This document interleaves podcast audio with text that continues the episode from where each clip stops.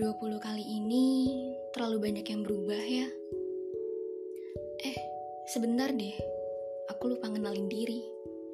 Halo semua, kenalin namaku Jennifer. Aku mahasiswi di salah satu universitas swasta di Yogyakarta. Saat ini aku tinggal di Bali, tepatnya di kota Denpasar. Karena keadaan pandemi corona saat ini, aku terpaksa balik ke kampung halaman.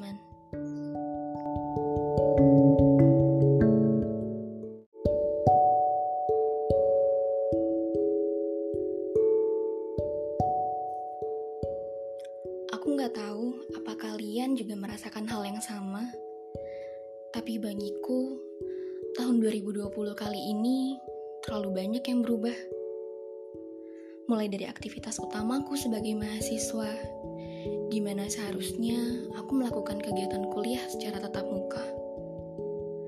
Tapi semua harus dilakukan secara daring. Ketemu teman-teman, nongkrong bareng, semua jadi harus dikurangi. Kangen sih, tapi mau gimana lagi? Ini semua demi kita, demi diri kita sendiri dan orang-orang di sekitar kita.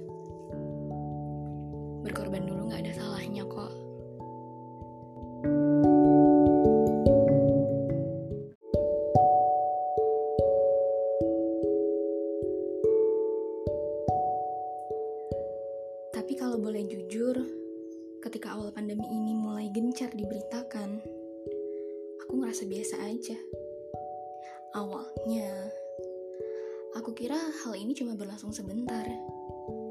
Bahkan ketika sistem kuliah akhirnya harus menjadi daring, aku seneng. Karena saat itu aku juga ada kerjaan lain. Dan aku kira aku jadi bisa lebih fokus sama kerjaanku saat itu.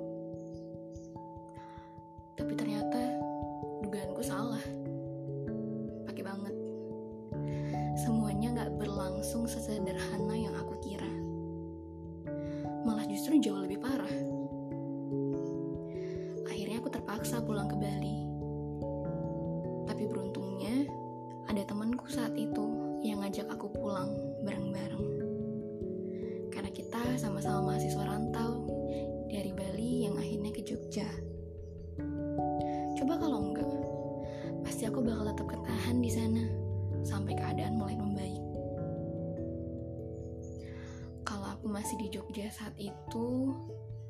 Ya namanya anak kosan, hidup sendiri, kalau cari makan susah.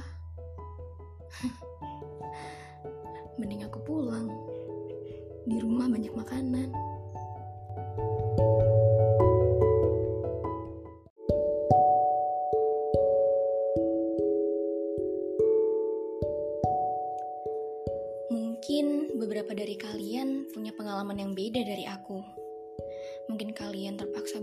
Di tempat rantau, hidup sendiri.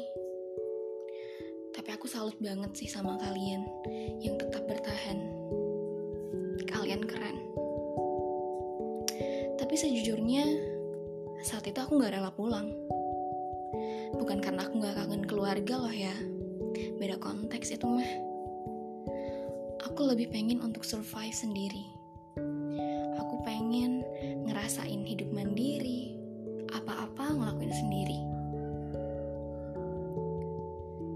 Tapi semua jadi makin sulit. Kuliah daring, gimana isinya 90% tugas plus 10% materi. Itu relate banget sih di aku. Ya, meskipun memang tugas mahasiswa adalah mencari materi terlebih dahulu, baru kemudian bertanya ketika ada yang tidak dimengerti. Ya, memang pada dasarnya seperti itu. Tapi kalau tugas terus, apa nggak bosan? Pasti bosan lah. Apalagi terkurung di suatu tempat, nggak bisa keluar ke mana-mana kecuali memang ada hal penting dan mendesak yang harus dilakukan.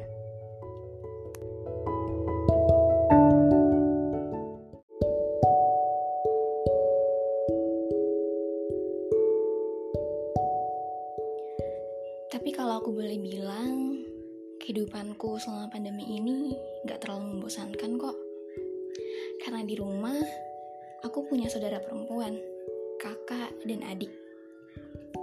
Di sini kami semua main bareng. Ya, berhubung aku dan saudaraku K-popers, kami jadi bisa bahas idola bareng. Ya, gitu sih obrolan cewek. Terus kami juga main TikTok bareng. Walaupun kata orang-orang alay, tapi selagi itu bisa menghasilkan hal positif, kenapa enggak? Justru di sana bisa menjadi ajang untuk kita menunjukkan kreativitas dalam menyusun konsep, membuat suatu konten yang nantinya bisa dinikmati banyak orang. Harus gitu tuh, mindsetnya jangan diubah, jangan malah dibolak-balik jadi, ah, anak-anak yang main TikTok itu alay semua. Isinya joget-joget doang. Emang sih, isinya banyak kan joget-joget. Tapi kan gak hanya itu. Di sini kita bisa create something new. Mengenuangkan kreativitas kita dalam bentuk video pendek. Itu malah jadi ide yang bagus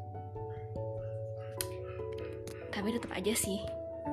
Namanya dunia maya gak akan bisa menggantikan dunia nyata. Seseru apa pun kegiatan yang kita lakukan di dunia maya bakal tetap kalah sama yang di dunia nyata. Itu menurutku sih.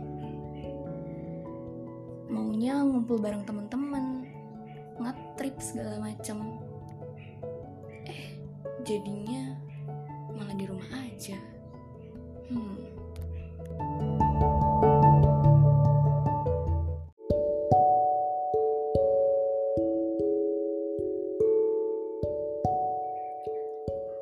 Awalnya memang berat, bosan.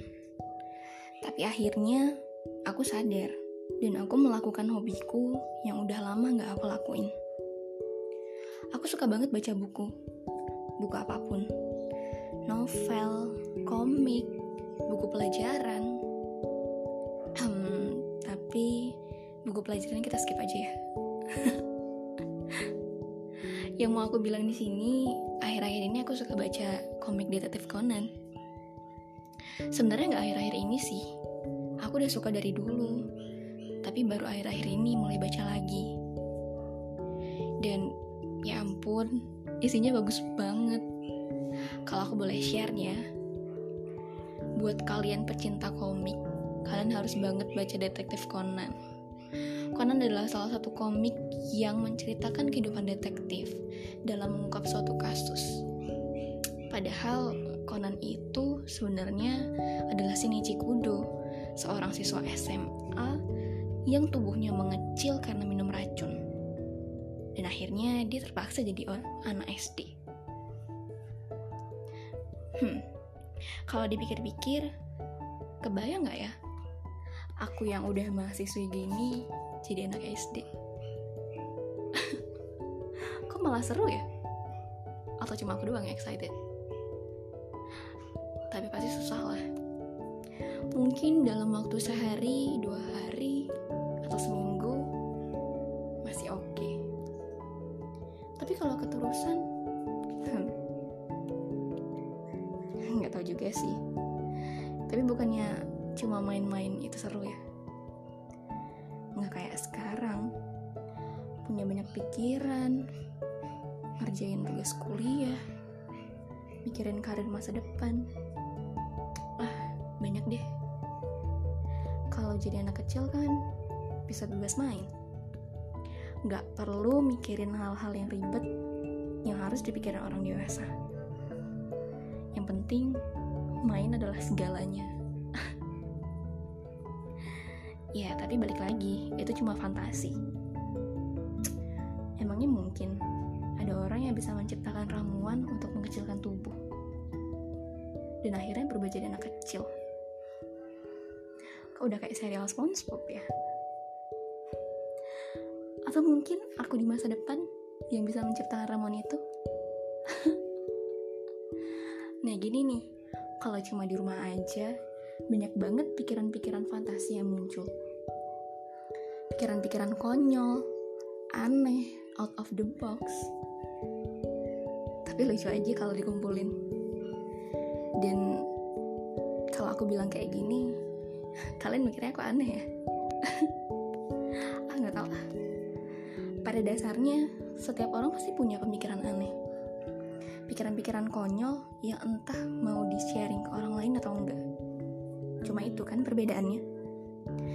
Nggak ada salahnya untuk terus mengeksplorasi, cari-cari ide, kegiatan, atau apa pun yang mau kita lakukan. Pemikiran-pemikiran yang mungkin belum pernah muncul di publik. Tapi bukannya itu juga yang dilakukan Thomas Alva Edison dan Alexander Graham Bell ketika mereka menciptakan lampu dan telepon. Siapa yang mengira mereka bisa menciptakan barang-barang yang sangat berharga untuk saat ini? Hmm, menarik juga. Kalau gitu, tunggu aku di masa depan ya, ketika aku bisa menciptakan ramuan pengecil tubuh.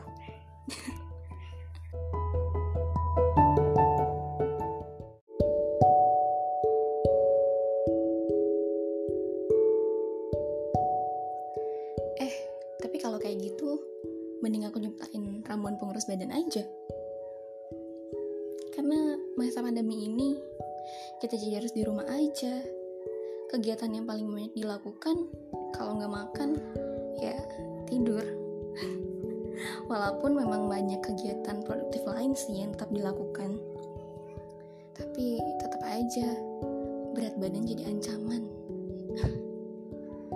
susah nih aku yang sukanya keluar, jalan kaki. Aku suka banget jalan kaki atau naik sepeda. Itu seru banget. Karena kita bisa langsung menyatu dengan alam, menghirup udara segar. Hmm, itu pun kalau lingkungan kalian udaranya masih segar ya. Bersyukur buat kalian yang lingkungannya masih asri. Kalau di tempat tinggalku, ya bisa dibilang lumayan masih dekat dengan sawah, banyak burung-burung yang berkicau. Kegiatanku yang lain juga berkaitan nih sama imajinasiku yang gak bisa habis. Aku suka banget nulis. Buat satu tulisan, mau itu fiksi ataupun non-fiksi. Aku juga punya blog loh. masih dikit. Biasanya kalau aku ngeliat isu-isu sosial ataupun politik, Aku suka cari tahu, apa sih kebenaran yang ada di baliknya? Kenapa hal tersebut bisa terjadi? Secara nggak langsung, keasah aja pemikiranku, berhubung aku mahasiswi fisik. Udah jadi makanan sehari-hari kalau ngebahas sosial dan politik. Beda halnya kalau udah mulai nulis yang fiksi. Hmm, emang udah hobi dari kecil sih kalau fiksi aku suka nulis cerpen atau puisi-puisi gitu cuma karena sebelum corona ini aku banyak banget kegiatan jadi nggak bisa ngelakuinnya dengan rutin. Selain itu aku juga suka main musik gitar, keyboard. Walaupun nggak seahli papaku sih yang profesinya memang sebagai musisi. Tapi aku suka aja cover-cover iseng gitu. Nyanyi bareng sama kakak dan juga adikku. Sekedar having fun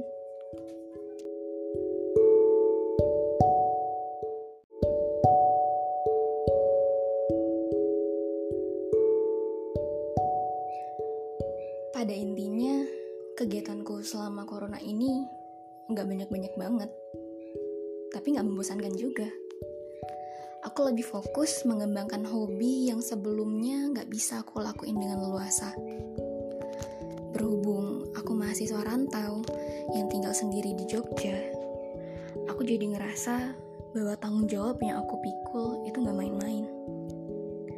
Keluargaku, terutama orang tua, mereka pasti berharap yang terbaik.